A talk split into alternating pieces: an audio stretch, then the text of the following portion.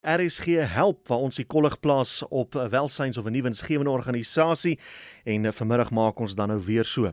Happy Yappers, dis die organisasie waarop ons dan nou vanmiddag fokus en ons gesels met hulle koördineerder Wilma Jacobs. Hallo Wilma. Hi Willem, hoe gaan dit? Baie lekker en daarso. Nee, maar dit gaan goed, dankie. Mooi, mooi. Nou vertel ons meer Happy Yappers. Ek lei af dit klink of dit iets met honde te doen kan hê. Ja, nee, definitief honde Willem. Ehm um, dis maar ons almal se passie. Ons is 'n geregistreerde liefdadigheidsorganisasie soos julle afgelei het en ons bestuurstap bestaan geheel en uit uit vrywilligers uit. Hmm. En ehm um, wat ons doen is op die oomblik is ons baie dringend ons het fondse dringend nodig want ons is besig ons is werksaam in die baie arm en agtergeblewe informele nedersettings in Magaliesburg wat regtig waar hard geslaan is deur COVID. Goed. Ehm um, shame so ja, meeste van daai arme mense kan nie eens vir hulle self sorg nie. Goed, ons gaan nou by julle behoeftes uitkom. Kom ons kry net nog so 'n bietjie agtergrond. Hoe lank is julle al aan die gang? Jo, ons is nou, weet jy, nou vra jy my eintlik vas. Ons is seker omtrent so so ver ek weet so 10, 12 jaar al hm. aan die gang en nie langer nie. Ehm um, maar ons is nou, jy weet, ons is nou groot. Ek dink ons het voorheen nogal baie befondsing gekry en ons is nou besig om werklik, jy weet, met COVID almal geslaan. Ja. So ons is werklik waar besig om op 'n groot ehm um, passie en met baie druk ehm um, fondse te probeer insamel en ook hulp te kry, nie net fondse nie, ja. maar ook hulp te kry, jy weet, ondersteuning te kry. Hoe lank is jy al by hulle betrokke? Aha. Ek het presies 'n maand, bietjie meer as 'n maand by hulle betrokke nou. Goeieste. Nou, hoe hoe het jy van hulle te hore gekom en hoekom het jy betrokke geraak? Weet ek het betrokke geraak want ehm um, COVID het my ook geslaan. Ek is deur my maatskappy ehm um, geretrend. Ah, ek kies die Engelse woord. Ja. Maar terselfdertyd wat gebeur het is ehm um, Happy Yappers se mense was 'n kliënt van my maatskappy. Goed. En my baas het my passie, hulle ken my passie vir honde. Almal het dit geweet. Hmm. So dit is hoekom hulle my, het hulle my voorgestel aan Happy Yappers.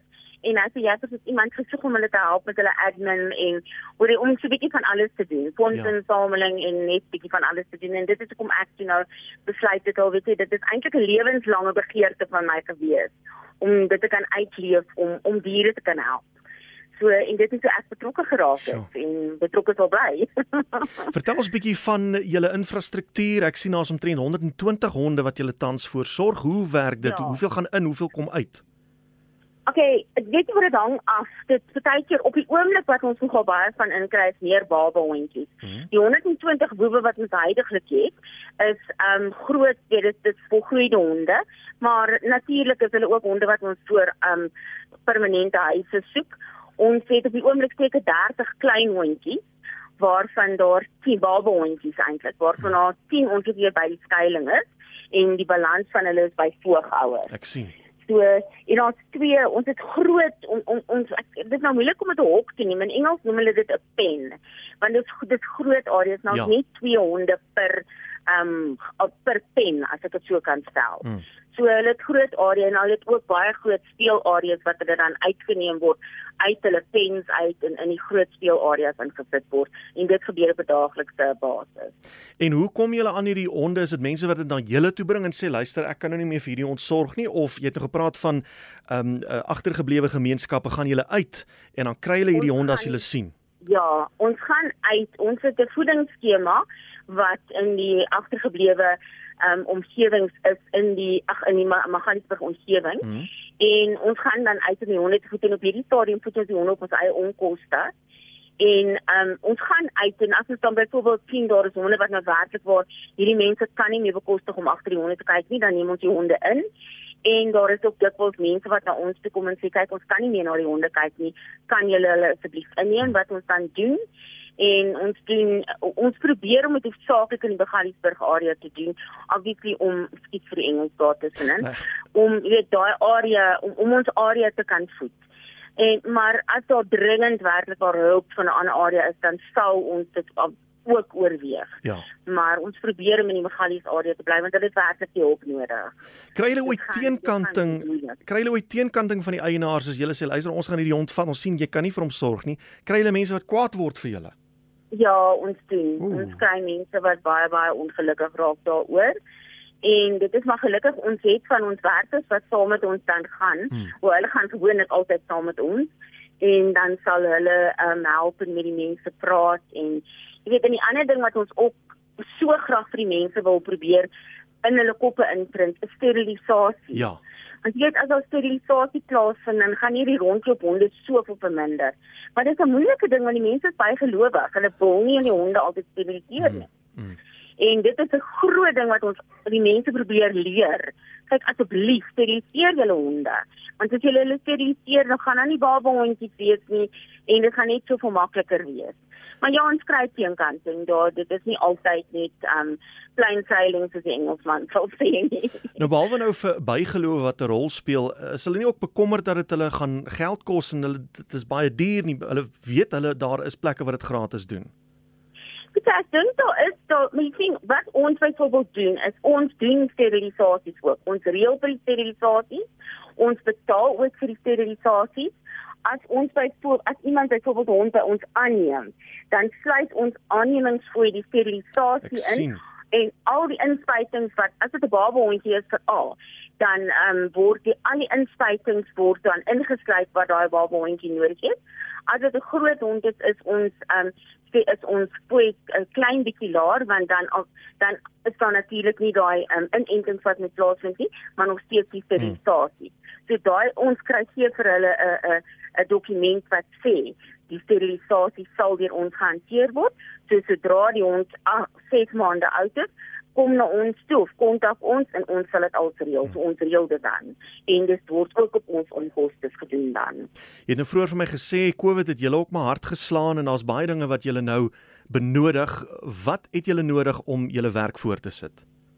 Dit is een van ons grootste goeders op die oomblik en dit is seker ons grootste wens op oomblik van 19 pas vir 2022 is om 'n mobiele dierekliniek um te kry. En um ons het verskeie passievol daaroor om vir die fondse in te samel. Ons weet dit is 'n duur ding, maar dit is iets wat nie net vir ons nie, maar daai hele gemeenskap gaan help. Ja. Verskriklik baie gaan help. As ek my honde blaf nou, nee, ek kan vir hoor my praat. Sorry man. En dan is ons ons ander groot ding is wat ons nodig het. Ons het in die wanneer die winter nou kom, is daar nie net 'n aanvraag vir kos vir die diere nie, maar ook vir die gemeenskap. So ons het boodskappe vir vir ons sopkombuis. En goed soos hondehokke, ja. komberse, en die komberse nie net vir die mense nie, maar vir diere ook. Want jy kan tog nie vir 'n diere kombers hê as die mense nie een nie. Ja. En dan um ons soek borg mense wat dalk 'n hond kan borg om die hond vir 'n maand vir die maand te voed. Goed. En um om ons speelareas te borg, om, om te sorg dat ons kan petrol koop vir die grasnyer. Ietsie sê dit is simpel goedjies maar dit is al goed wat geld kos. Ja. En dan ook blikkies en 'n goeie kwaliteit droë hondekos want ons gee ons honde die beste um kwaliteit kos wat ons kan bekostig. Mm -hmm. En dan ook voogouers vir die baba hondjies is 'n ding wat ons op die oomblik geweldig nodig het met al die baba hondjies wat ons kry. En ons het regtig 'n groot invloed van baba hondjies op die oomblik.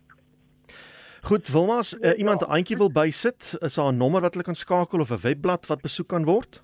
Daar is 'n webblad. Ehm um, hulle kan die webblad besoek. Dit is www.happyyatters.co.za en dan die nommers wat jy kan skakel, dis my nommers, daar's twee van hulle dis 082 808 9487 of 082 903 2339. Goed so, Wilma, baie dankie. Ek gaan hierdie besonderhede herhaal. Maar dankie vir die saamgesels. Ek is jammer om te hoor jy het jou werk verloor, maar ek dink jy is nou waar jy moet wees en daar's 120 honde wat met my saamstem. Nee, absoluut nie totaal. Goed. Vir julle en al baie baie dankie Willem, ek waardeer julle en ek waardeer die kans dat ons begin is om met julle te gesels. Dit was werklik baie fantasties. Groot plesier, voorspoed daar vir julle. Dankie hoor, mooi bly. Totsiens. Dis aan Wilma Jakob, sy is koördineerder by Happy Yappers. Hulle is daar in die Magaliesburg omgewing, help uh, honde uh, wat veral van die uh, agtergeblewe gemeenskappe afkom en jy kan hulle kontak by 082 08289487 dis 082 0891108487.